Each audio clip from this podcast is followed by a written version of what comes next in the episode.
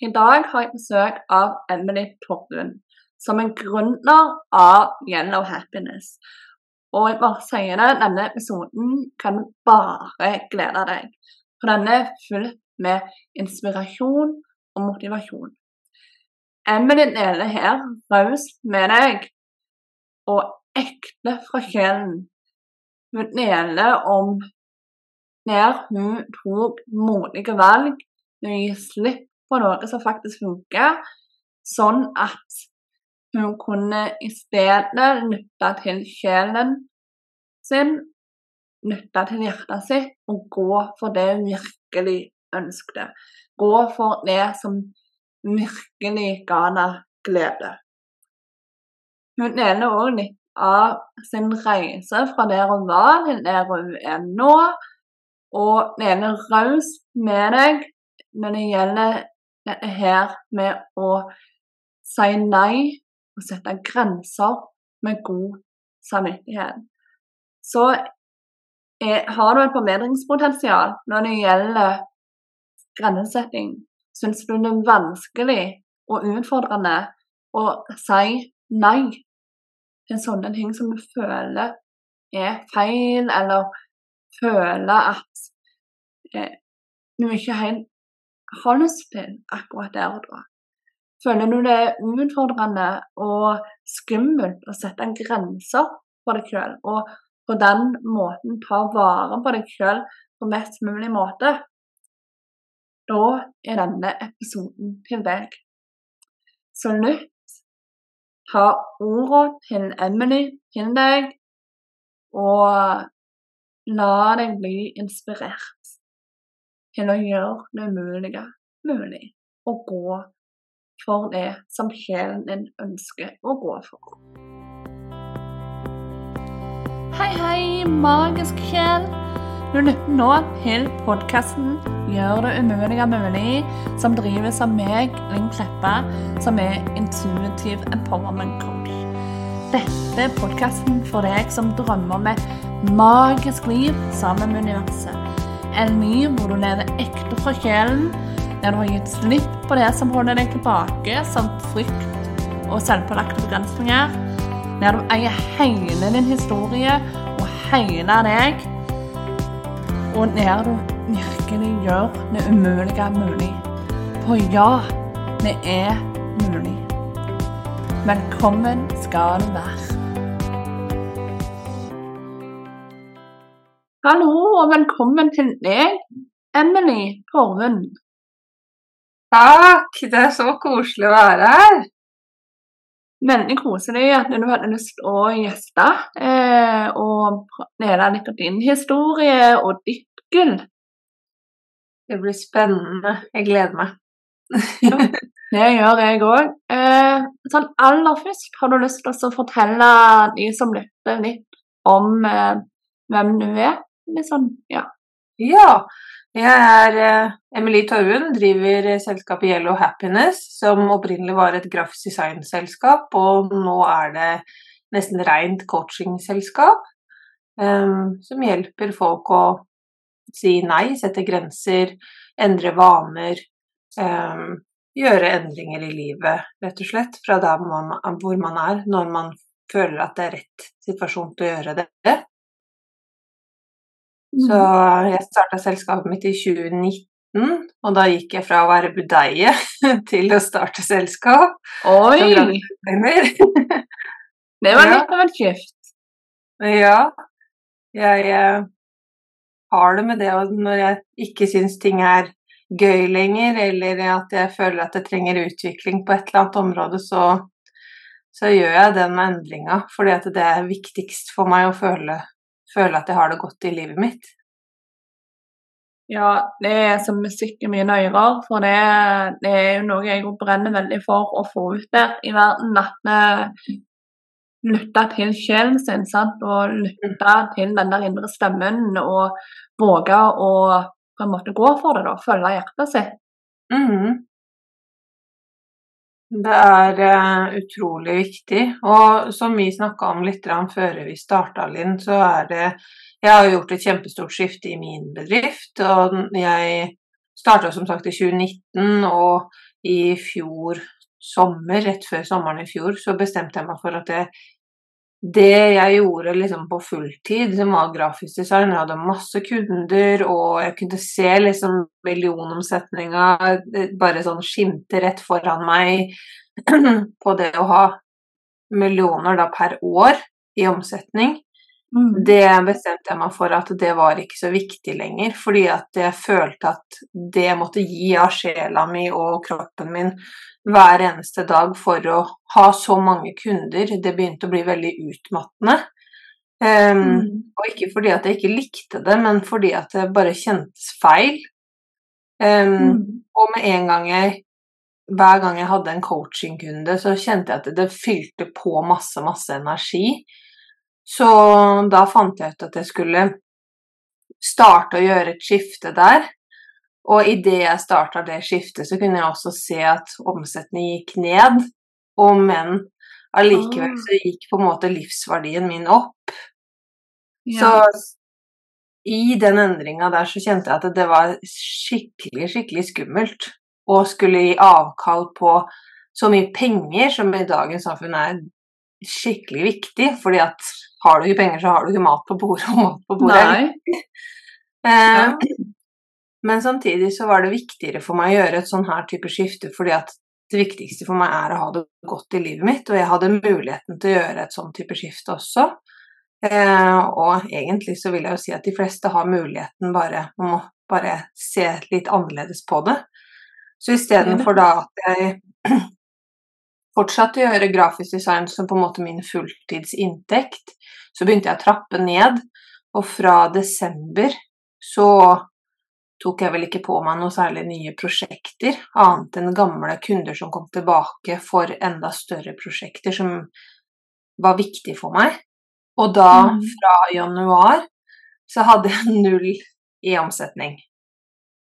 Oi. Hvordan takla du det?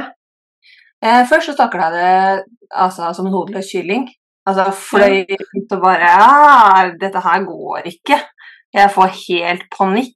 Jeg kan ikke ta ut en krone av bedriften min. Jeg har så vidt penger til å liksom dekke utgiftene som er liksom på sånn helt laveste nivå, som er liksom en tusenlapp her eller en hundrelapp her.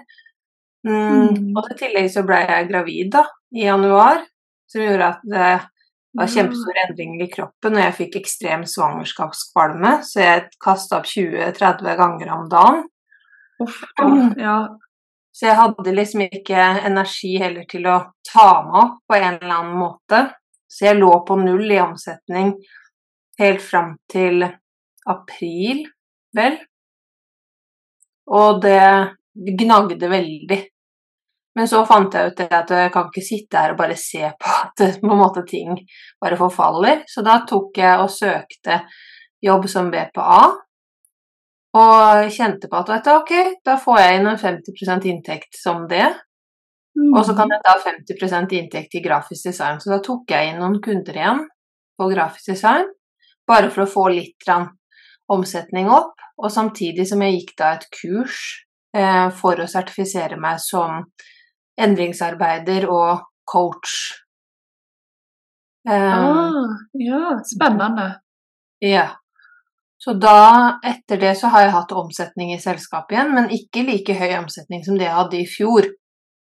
Men jeg kan se at det sakte, men sikkert driver og bygger seg opp igjen til en omsetning som er levelig. Eh, men nå er på en måte basen på coaching og ikke på grafisk design. Og det føles veldig, veldig godt. Mm. Det tror jeg på, og det er jo veldig inspirerende å høre på deg. Og jeg syns det er veldig modig det valget du gjorde der. At du, du hadde altså Du så millionen foran deg der, som du sier. Du, eh, og så bare kjente du i kropp og sinn og sjel at det, det var liksom ikke helt riktig, det du gjorde. Og så bare ga du slipp på det som var, og åpna deg opp for noe nytt. Selv om det faktisk tar seg tid til å bygge opp det nye, sånn som du sier. Det, det er rimelig modig gjort. Um, men det viser jo her da at det er mulig å gjøre. Ja, Det er, det er mulig, men eh, jeg må si det har vært mye tårer og grin og snørr på veien. Eh, fordi at det er eh, Det å sitte uten penger, det er veldig, veldig tøft for nervesystem og huet og alt som er. Fordi at Mm. det Det å spinke og spare og være helt nede, det er veldig, veldig slitsomt. Så Ja. Sånn at en sånn endring er mulig, men man må bare kjenne på at det Man må vite inni seg at det er bare midlertidig. Fordi at jeg visste hele tiden at det er bare midlertidig, fordi at jeg veit at dette skal gå. Jeg har bestemt meg for at det skal gå. Og da Mm. kommer det til å gå uansett, men jeg veit også at det, det innebærer en liten ned, nedgang som kan være veldig, veldig slitsom og hard. Mm. Hvordan jobba du med, med mindsetet ditt i denne perioden her, som var såpass tøff og ja, Mm. slitsom for nervesystemet? Først og fremst så fikk jeg jo litt hjelp av andre coacher. Jeg hadde coach sjøl. Eh, og Mm. Og så eh, trekker jeg kort nesten hver eneste dag, bare for en sånn påminnelse. Ah, det er en god støtte. Mm. Ja. Eh, og for meg så er kortene en sånn støtte og en, bare en sånn påminner. Eh, og ikke sånn at jeg må noen ting, men bare en sånn at du vet at du er faktisk på rett vei. Bra jobba. Dette går fint. Um, og så um, gjorde jeg så mye jeg kunne av positive ting. Prøvde å liksom finne ting i hverdagen som var viktig og positivt for meg. Sånn, min terskel for positivitet er veldig lav. Sånn at type velge en kopp om morgenen som jeg liker. Eh, drikke en kopp te som jeg liker. eh, sitte ute på terrassen og bare nyte sola litt. Em, danse litt på gulvet. Eller gå en tur i stillhet. Eller snakke med ei god venninne. Eller ja, bare fylle på med liksom de, de tingene som er positive. Og når eh, innimellom all, alle de tingene, så tok jeg meg tida til å grine. Til å sette på en film Mm. som jeg visste at jeg kom til å grine fra ende til annen. Oi. Eh, bare for å bare kjenne på at det er greit å gråte, og det er greit å være sint. Og det er greit å kjenne på at fader, eller kanskje det her var feil valg. Eh, Ja. Innerst inne så kjente jeg hele veien at det var riktig valg, men det er mange ganger jeg kjente på at skal jeg ikke bare ta inn kunder igjen, bare for å bare komme meg opp litt igjen? Mm. Men samtidig så føltes det så feil, så jeg gjorde det ikke. Fordi at det er ikke rettferdig for kundene eller for meg å kjenne på at eh, man egentlig bare er et sånn derre redningsprosjekt. Ja, det Ja. ønsker jeg ikke for noen. Mm. Nei, det er veldig, veldig nydelig og sterkt med dele her. Og så jeg vil bare si tusen takk for at du åpner opp og deler om det. Jeg er sikker på at det inspirerer mange til å se at eh, ting faktisk er mulig å få til. Eh, om du bare gjerne våger å tenke litt utenfor boksen og sånt. Så tusen takk. Eh, Og så vil jeg gå litt videre, eh, for nå har du jo fortalt litt om at det er coaching nå på en måte den veien du går på. Eh, Og du inspirerer jo veldig med innholdet i sosiale medier og sånn, og der du eh, mye prater om dette her med å si nei, og dette her med grensesetting, og at det liksom er blitt litt din greie, da. Det føles det ut som for meg som sitter utenfor og ser. Eh, så har du lyst til å fortelle litt mer om det? Ja, Um, for meg så har det vært i- Helt siden jeg starta Yellow Happiness, så har det vært liksom en sånn derre Folk kommer til meg og sier å, nå har jeg deg Emily, som sitter på skulderen og bare minner meg på at jeg, nå må jeg huske å si nei. Eller ja, det her var kanskje ikke så lurt, nå, nå har jeg deg i bakhodet som bare sånn Husk å si nei nå, hvis ikke du har lyst. Men så har jeg liksom kjent på at den grafisk design-delen har liksom tatt veldig overhånd. Så nå har jeg på en måte kjent at det har kommet til det punktet at jeg føler at den eh, nei-delen har blitt veldig, veldig viktig for meg. Fordi for meg så har det alltid kommet veldig naturlig det å si nei. Det har aldri vært vanskelig for meg å si nei.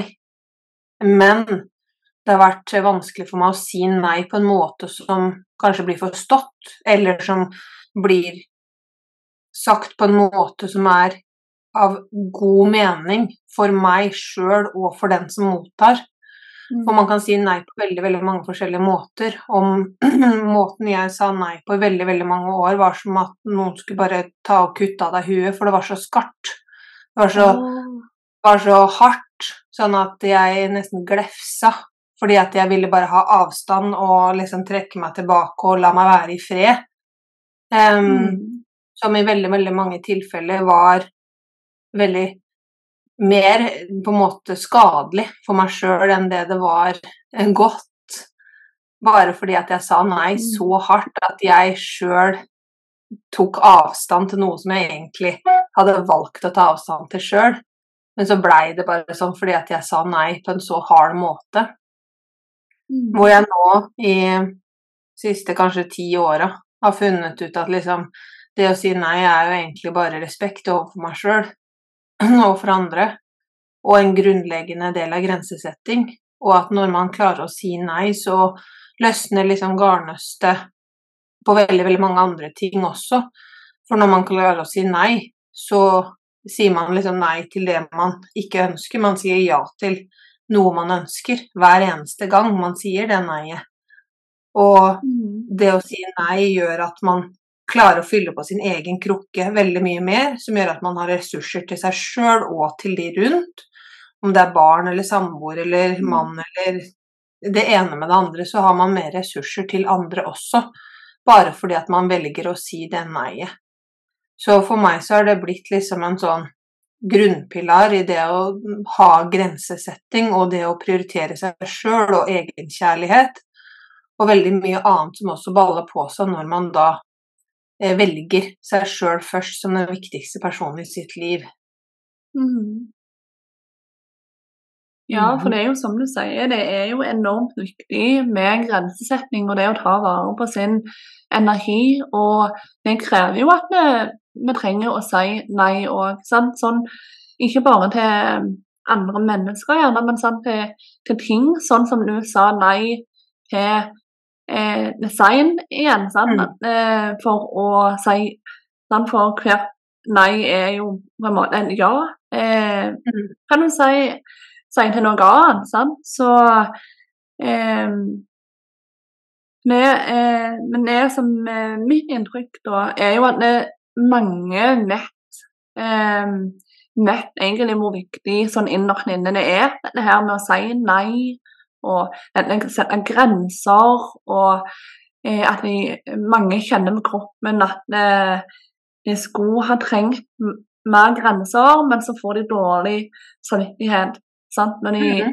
gjerne tar og setter disse grensene, eller gjerne bare tenker tanken på å sette grenser til og med. Sant? Ja. Um, og eh, derfor er det jo veldig fint det budskapet du har da, med å si mer nei. Gjør det mer eh, åpen og farlig gjør det litt. Eh, mm. For det er jo ikke så farlig som det virker. Og sånn som du sier, det finnes mange måter å si nei på. Ja, og så er det sånn som du sier det der at man gjerne får dårlig samvittighet, for det er nok en av hovedtingene som gjør at folk ikke sier nei. Fordi at man, mm man eh, tenker at 'å, den personen tåler ikke at jeg sier nei', eller 'hva hvis jeg sier nei, så sier den nei til meg neste gang', tåler jeg at de sier nei? Det er så mange ting som eh, går rundt, og så er vi mm. vant med et people pleasing-miljø og en jantelov, at du skal ikke stikke deg ut, du skal ikke være annerledes. Du skal ikke si nei mm. hvis alle resten sier ja. uansett mm. hvor mye det skader ditt nervesystem og den, det mennesket du er, så skal du fortsatt si ja, fordi at hoveddelen av menneskene sier ja. Mm. Eh, og mitt sånn hovedtips eh, til det der å begynne å si nei, er å begynne å si nei på ting som er bagateller. Og det er for eksempel eh, Vil du ha kaffe eller te? Nei takk, jeg tar eh, te i dag. Altså en sånn helt, helt simpel ting. Eller eh, vil, du ha, øh, vil, du at jeg skal hente sokkene dine på soverommet? Nei takk, jeg har allerede hentet dem selv. Mm. Altså sånne super, super basic ting som egentlig går veldig av seg sjøl. Og så bare begynne å legge merke til at vet du, jeg sa faktisk nei nå fordi at jeg allerede hadde valgt mine favorittsokker, og dem valgte jeg for meg. Mm. Eller jeg valgte rundstykker i dag istedenfor brød fordi at jeg, vet, jeg hadde så lyst på rundstykker i dag, og det gjorde, ga meg en glede. Um, ja. Og det er så veldig, veldig lavterskel, og egentlig så tenker man ikke over at det er en del av det å si nei, men det er en del av de grunnsteinene som gjør at man blir mer sånn bevisst på at oi, shit, jeg sa faktisk nei her nå. Bra jobba, det her var fin, fin greie. Og så neste gang så tenker man kanskje at oi, det her begynner å bli veldig lett, for nå sier jeg jo nei til sånne ting som bare gjør at altså mitt, min hverdag og den, det livet jeg lever, får en mer balanse. Mm. Og så etter hvert, da, når andre spør vil du være med å ta en kopp te, og så er du egentlig daudsliten og har lyst til å ligge på sofaen og se på Netflix, ja. så, er, så er sjansen for at du sier da nei til at veit du nei, i dag så orker jeg ikke. Og mm. uansett hva den andre personen sier da, så vil du mye tryggere sitte i deg sjøl vet du, åh, jeg sa faktisk nei fordi at jeg hadde lyst, og jeg trengte å bare ligge og hvile i dag. Mm. Og da vil den terskelen være veldig mye lavere fordi at du har lagt merke til alle de nei som du pleier å si i hverdagen din, som du egentlig vi alle er innebygd med. Fordi at alle mennesker sier nei til masse ting hele tiden. Men vi bare mm. er vant med at de nei-ene som skal være, de er de der svære nei-ene. Man må liksom da Nei, jeg skal ikke jobbe mer overtid, eller Nå er det nok. Mm. Man må liksom sette de store, store grensene. Men begynn helt i det lave, akkurat som at den første gangen du går og skal ta en, ta en løpeøkt. Du begynner ikke på fem mil. Nei. Det var hyggelig smart sagt, eh, Emily. Eh, dette her med ja, den tipset da, med å begynne i det så detaljområdet eh, som du nevner her, og så bare bygge det opp på den måten. Mm. Veldig, veldig smart. Det gjør at plutselig nei er en del av hverdagen uten at man egentlig har tenkt over det. Så bare mm. alle sammen bare blir bevisst på at jeg sier faktisk nei mange ganger i løpet av dagen. Har du, har du henta ungen i barnehagen? Nei. Kan du gjøre mm. det i dag? Det er et nei, det også. Mm. Og det er bare for at familieflyten skal gå i land. Eller kan jeg komme klokka to? Nei, det passer bedre klokka ett. Det er også et nei. Mm. Men det er nei som ligger veldig lavterskel fordi at de er veldig innbakt i hva som er ok i gåseøyne i vårt samfunn. Mm. Mm. Det er veldig sant. Og, eh, og hvis du begynner å se på ting på den måten, så, eh, og studerer òg i detaljnivå, så ser du òg alle gangene du eh, sier nei til deg sjøl i løpet av en dag. Mm. sant? Eh, for eksempel eh, for, altså, Hvert nei er jo et ja til noe annet, men mm. på samme måte som en, hvert ja er et nei til noe annet. sant? Så, yes. så ofte så sier, jo, sier jo personer eh, med, med mennesker da veldig ofte nei til oss sjøl. Fordi at vi ja. sier ja for å slippe å måtte såre gjerne noen andre.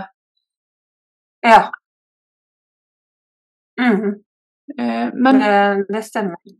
Mm, så eh, hvordan har eh, Du nevnte jo innledningsvis nå eh, at du hadde fått en annen Altså du hadde eh, endra måten du sa nei på. Sant? Eh, før ja. så var det veldig krast. Eh, hvordan på en måte sier du nei litt mer mykt nå? Ja. Altså, et vennlig nei, som jeg kaller det, da, er liksom eh, Nei, i dag ønsker jeg ikke det. Eller nei, det her har jeg ikke lyst til. Eh, før så ville jeg sagt nei. Ok. Ja. Jeg har ikke lyst. Ja. Mm. Eh, men nå så ville jeg sagt det, vet du Superhyggelig at du spurte, men i dag passer ikke. Mm. Fordi at eh, nå så er det viktigere for meg at det er respekten overfor meg sjøl til hvorfor jeg sier nei. Det er ikke nei-et i seg sjøl, men det er, det er den grensen som går ved at nå tar jeg vare på meg selv. Mm. Og prioriterer meg sjøl først. Hvis ikke så har jeg ingenting å gi til andre mennesker. Nei, og det er jo nettopp det som er er gjerne eh, noe av det viktigste å få fram. Nå, sånn At det, du kan ikke gi av en tom kropp. Sant? Du må fylle på din egen, eh, din egen kropp eller din egen beger sant? før du har mer å gi til andre. Mm. Og da krever det at du lytter til det du har behov for i det og det øyeblikket. Og det kan være alt mulig. Men det er f.eks. en ting som jeg brukte lang tid på å sette liksom en grense på for meg selv, var f.eks. hvis jeg var ute med venninner som pleide å spise sjeldent. De spiste kanskje en middag, eller kanskje, kanskje de hadde en frokost i tillegg. Jeg har alltid vært et menneske som spiser da kanskje hver tredje time, og bikker det tre timer, så begynner jeg å bli eh, Da begynner jeg å bli sur. Eh, ja. da, da faller, faller alt som er. Eh, og det tok meg veldig lang tid å bare si vet du hva, nå trenger jeg mat. Og istedenfor at når de da f.eks. sa det at å, men det er jo, vi spiste jo nettopp, og selv om det var over tre timer siden, for dem så var det kanskje nettopp, ja. meg da å si det at vet du, det er helt ok hvis dere fortsetter, men jeg setter meg ned nå her og spiser. Mm. Og det tok meg veldig lang tid å bare finne ut at det, vet du, det er greit at vi er forskjellige på mange forskjellige områder, men for, for at jeg skal ha en, en god hverdag og et godt liv og en fin, fin utflukt her sammen med dere, så må jeg ha litt mat. Ja. Og det, der òg er du inne på noe veldig viktig. Eh, for det er Det, det jeg skjønner kan være en, eh, en veldig vanskelig steg å ta, liksom det der at det, å stoppe liksom helt opp og så si at nei, men sånn må det være. Sant? Jeg, må, jeg, må, jeg må spise, jeg må ha mat. Altså, Mm. ja, men der løste du jo på en veldig fin måte, da. At du, du sa at vi kunne gå videre med sitt hvis det var det de følte for. Og så har jeg nok funnet ut at eh, med en gang man aksepterer at det svaret man får, har man ingenting med. At du, Mm. du har ikke ansvar for det svaret som kommer, eller hva, hvordan de takler det, det svaret du gir. Med en gang uansett hva som kommer der er ok, så blir det å si nei veldig mye tryggere. Mm. Så uansett hva, hva den andre personen sier 'Å, veit du, nå skuffer du meg', eller 'dette her skulle vi jo gjøre sammen', eller sånne ting. Uansett, hvis alle de svarene der er ok, fordi det er dems følelser, det er dems ting, det er dems reaksjon. Og hvis du da Mm. gir etter for det, så gir du etter også på dine premisser. Da det du føler inni deg kanskje, er det at 'å, shit, men nå føler jeg meg helt utmatta, jeg har ingenting mer å gi'. Mm. Hvis jeg faktisk skal si ja til deg. Så med en gang det er ok, uansett hva som blir svart i andre enden, så er det veldig mye enklere å bare si vet du, det, i dag blir det ikke. Og da hvis den personen svarer det at vet du, hva, nå har du avlyst for tredje gang. Em, ja, men vet du hva, da blei det for tredje gang, og hvis ikke, du har, hvis ikke du ønsker å avtale en ny greie, så er det helt greit for meg. Mm. Mm. Ja, og, um, og eh, det er jo spesielt gjeldende òg fordi at eh, noen ganger så spiller jo gjerne ikke kroppen på lag, eller sånn, du har avtalt noe langt der framme, og så kommer den dagen, og så kjenner ganger av den grunnen at det, ja, noen kanskje ikke sove så godt natta før, gjerne Ja. du har smerter, sant? gjerne du har en eh, kronisk sykdom som gjør at eh, du må ta du må ta hensyn til helse mye mer enn gjerne eh, andre mennesker Mm. må, sant, i, eh, som du omgås. Og eh, eh, nå er det ofte gjerne sånn at eh, mange som gjerne har kroniske, gjerne usynlige sykdommer, nå kan føle Nå prater med mange selv som føler at eh, de nære gjerne ikke forstår dem, sånn, eller eh, at en ikke skjønner helt eh, hvor på en måte gale det kan være i enkelte tilfeller. Sånn, Hvor eh, Og så um, får det altså så Attpåtil, da, selv om hele kroppen skriker gjerne ro og fred og en dag i på en måte isolasjon, om vi kan si det sånn, da, Mm. så, så tar de og så holder på den avtalen. For det var for å på en måte slippe det der gjerne maset eller kommentarer sånn som du sa eksempel på. Sånn, og Mm. sånn. Har du noen tips til eh, det, Ja. noen tanker rundt det? Ja, jeg er jo kroniker sjøl. Jeg har fibromyalgi, eh, og jeg vet Ah. godt hvordan det er det å på en måte kjenne på at man ikke forstår. Men min hovedgreie har vært det at eh, jeg opp gjennom åra, da, så jeg fikk fibromyalgi når jeg var 17 år, og nå er jeg 31. Oh, Eh, oi.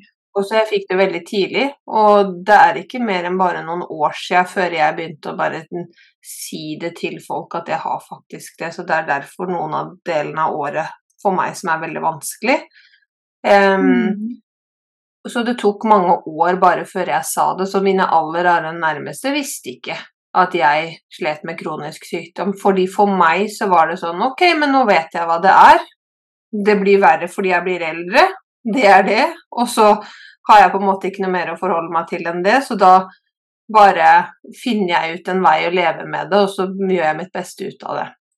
Men en sånn hovedgreie som jeg kanskje følte var en sånn løser, da, var det der at bare folk vet, men på en måte som var helt enkel og klar. Ikke en sånn måte som For for meg så var det sånn Jeg har fibromyalgi, det vil si Og så fortalte jeg litt om hva det er, og hva det gjør Mm. med min kropp, og hvordan jeg personlig opplever det.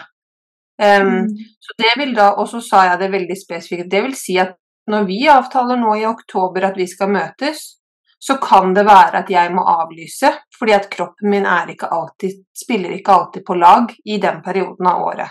Så da er du klar over det, at det kan være at jeg avlyser i oktober. Så jeg for, forbereda folk rundt meg på at eh, jeg avtaler gjerne med deg, men du må også være forberedt på at jeg kan avlyse samme dag. Mm. Og det gjorde at de menneskene rundt meg sa ja, ja, selvfølgelig, jeg skjønner jo det. Ja. Men før jeg begynte å si det, så ble, var det mer sånn hvorfor gjør du det, er det noe galt, har jeg gjort noe galt, har jeg sagt noe galt, hva er greia her? Men med en gang jeg begynte å si det at dette her kan skje, fordi det er sånn min kropp reagerer, og hvis den gjør det, så må jeg lytte inn, hvis ikke så blir det verre dagen etter. Da vil jeg Mm. avlyse, og det handler ikke om deg, det handler om min kropp. Mm. Med en gang jeg sa det, så var det å avlyse avtaler ingen problem. Og det spiller ingen rolle hvor mye jeg kjente det mennesket eller ikke. Jeg bare sa det at det kan være jeg avlyser, fordi kroppen min er ikke alltid på lag. Og sånn er det for meg. Og av og til så valgte jeg å fortelle om hvorfor, og av og til ikke. Mm. Mm. Fantastisk måte å takle det scenarioet der på. Eh, og med så godt resultat, høres det ut som. Ja, for meg så har det vært det, men det har jo også vært det at jeg har nå i dag venner og bekjente som hvor terskelen for meg er veldig høy for å slippe inn nye mennesker også, som ikke respekterer hvis jeg sier nei. Mm. Og hvis de, hvis de ikke respekterer meg, så, så respekterer de heller ikke seg selv. Mm. Så det er veldig viktig for meg at de gjør det samme igjen. Ja, at eh, de òg eh, setter grenser for seg, Yes. tenker du. Mm. Det er en veldig godt poeng, og veldig viktig. Mm. Fordi at det jeg sender ut, forventer jeg tilbake. Og det jeg, jeg forventer ikke at de er på samme, samme greie eller teknikker eller hva nå enn de bruker, det er akkurat samme. Men at de setter grenser sånn at de tar vare på seg sjøl, det er veldig viktig for meg. Mm. Helt enig. Det Og der snakker du jo òg veldig da ut av integritet, sant. At eh, nå eh, Nå tar ikke å sende ut noe der som du på en måte ikke ønsker at de skal på en måte sende i retur. Mm. Og det er jo òg en veldig viktig ting oppi det hele, tenker jeg. Dette med integriteten og å ha den på plass. Ja, absolutt. For hvis jeg hadde Mm. sagt nei, og ikke, tak og ikke på en måte forventer et nei tilbake en annen gang, Mm. så vil det bli veldig mismatch her, fordi at da har man sendt ut noe som man ikke er klar til å få tilbake i det Mm. hele tatt. Og da har jeg gått Da har jeg sagt nei til noe som har vært langt over det jeg egentlig er klar til å si nei til. Da må jeg gå litt ned igjen og si nei til de tingene som er mer komfortable å si nei til igjen. Og så prøve meg igjen litt Mm. høyere. Så, um, og det mener jeg gjelder det meste. At eh, hvis man kjenner at oi, shit, her var jeg litt ute og sykla, så bare ta et steg tilbake og se litt på det på nytt. Mm. Mm. Og jeg tenker jo òg det hvis du har den tanken rundt det hele, altså det at eh, OK, jeg tar vare på meg sjøl, og det jeg gjør, jeg må lytte til kroppen og si ja til det som føles riktig, og eh, nei til det som føles feil. Og så forventer jeg at menneskene som jeg har rundt meg, gjør akkurat det samme. Da tenker jo jeg òg det at eh, eh, det er på en måte en av gjerne de kjernenøklene til å få den der dårlige samvittigheten til å forsvinne ut av dette. Mm, fordi at da vet du, og hvis du vet at det er noen som, har, som sliter litt med å si nei, så, kan man, så, kan man, så har jeg f.eks. sagt det at eh, jeg forventer også at hvis du ikke orker en dag, så forventer jeg at du sender en melding og sier at jeg orker ikke. Mm. Jeg legger også til rette for at det er ok for dem å gjøre det. Sånn at jeg, jeg kan minne dem på, hvis jeg vet at det her er noe de jobber veldig, veldig masse med, så kan jeg si at jeg, jeg regner med at du kommer til å gjøre det her mot meg Mm. den dagen du ikke orker, eller ikke har lyst, eller ønsker å prioritere noe annet. Men bare si Mm. det rett ut, så er det helt ok for meg. Mm. Veldig, veldig bra.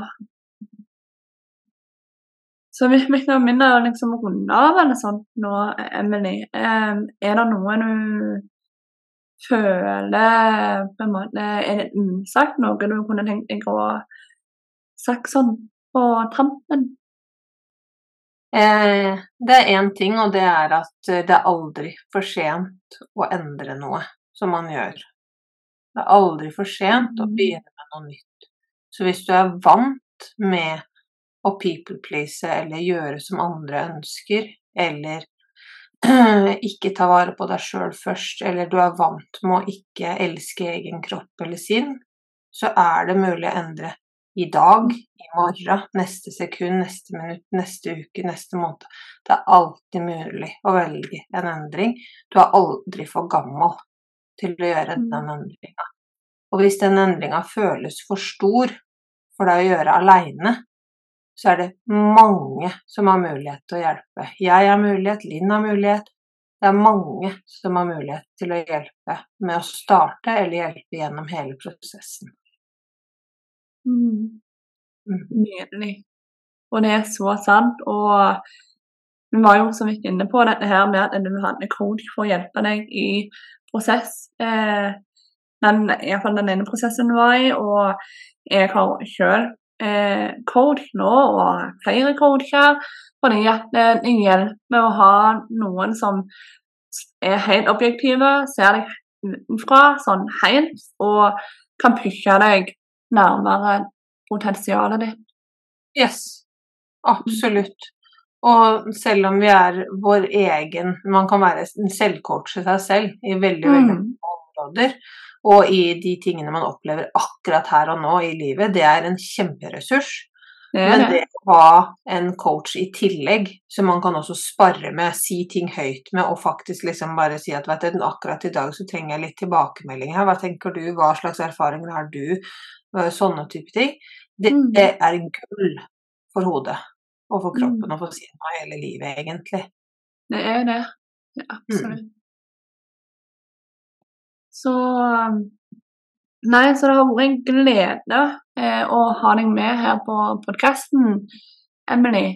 Eh, veldig, veldig fint og inspirerende å høre din sterke historie, og, og hvor du var, og hvor du nå er, og eh, dette her med òg at du har delt dine tips raust og sånn på det her med å si nei og sånn. Det er jeg sikker på at mange vil ha gleden av. Herlig. Jeg har kosa meg masse. Så er- kjekt å høre. Det har jeg òg. Mm.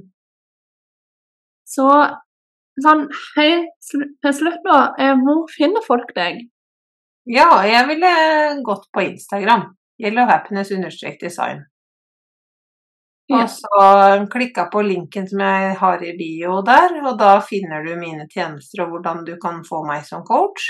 Eller så kan du sende meg bare en DM, og så snakke med meg hvis du har noen spørsmål, eller hvis du lurer på en spesifikk situasjon som er vanskelig å si nei, eller sånne ting. Det er bare å sende melding. Ingen spørsmål er dumme, og det er helt, helt supert å bare ta kontakt og bare si hei hvis du har lyst til det også. Ja. Så klikk deg inn eh, der, og fortell Emily hva du syns om episoden, blant annet. Eh, og så skal jeg selvfølgelig linke eh, til eh, Instagrammen din og sånn i beskrivelsen, så er det lett å finne eh, den for de som lytter. Så igjen, tusen takk for at du hadde lyst til å komme på besøk i mitt digitale studio. Tusen Så takk. må du ha en nydelig og magisk dag videre, Emily. Tusen takk i like måte, Linn, og takk for Jo. at jeg fikk være gjest. Tusen hjertelig takk, magiske sjel, for at du lytta til episoden. Om du likte episoden eller liker podkasten i det hele, så ta gjerne og følg om du ikke allerede gjør det, sånn at du sørger for å få med deg framtidige episoder. Ta gjerne òg og rei podkasten med fem stjerner der hvor det går an. Legg igjen en tilbakemelding, eller rett og slett bare del med noen som du tenker vil like den.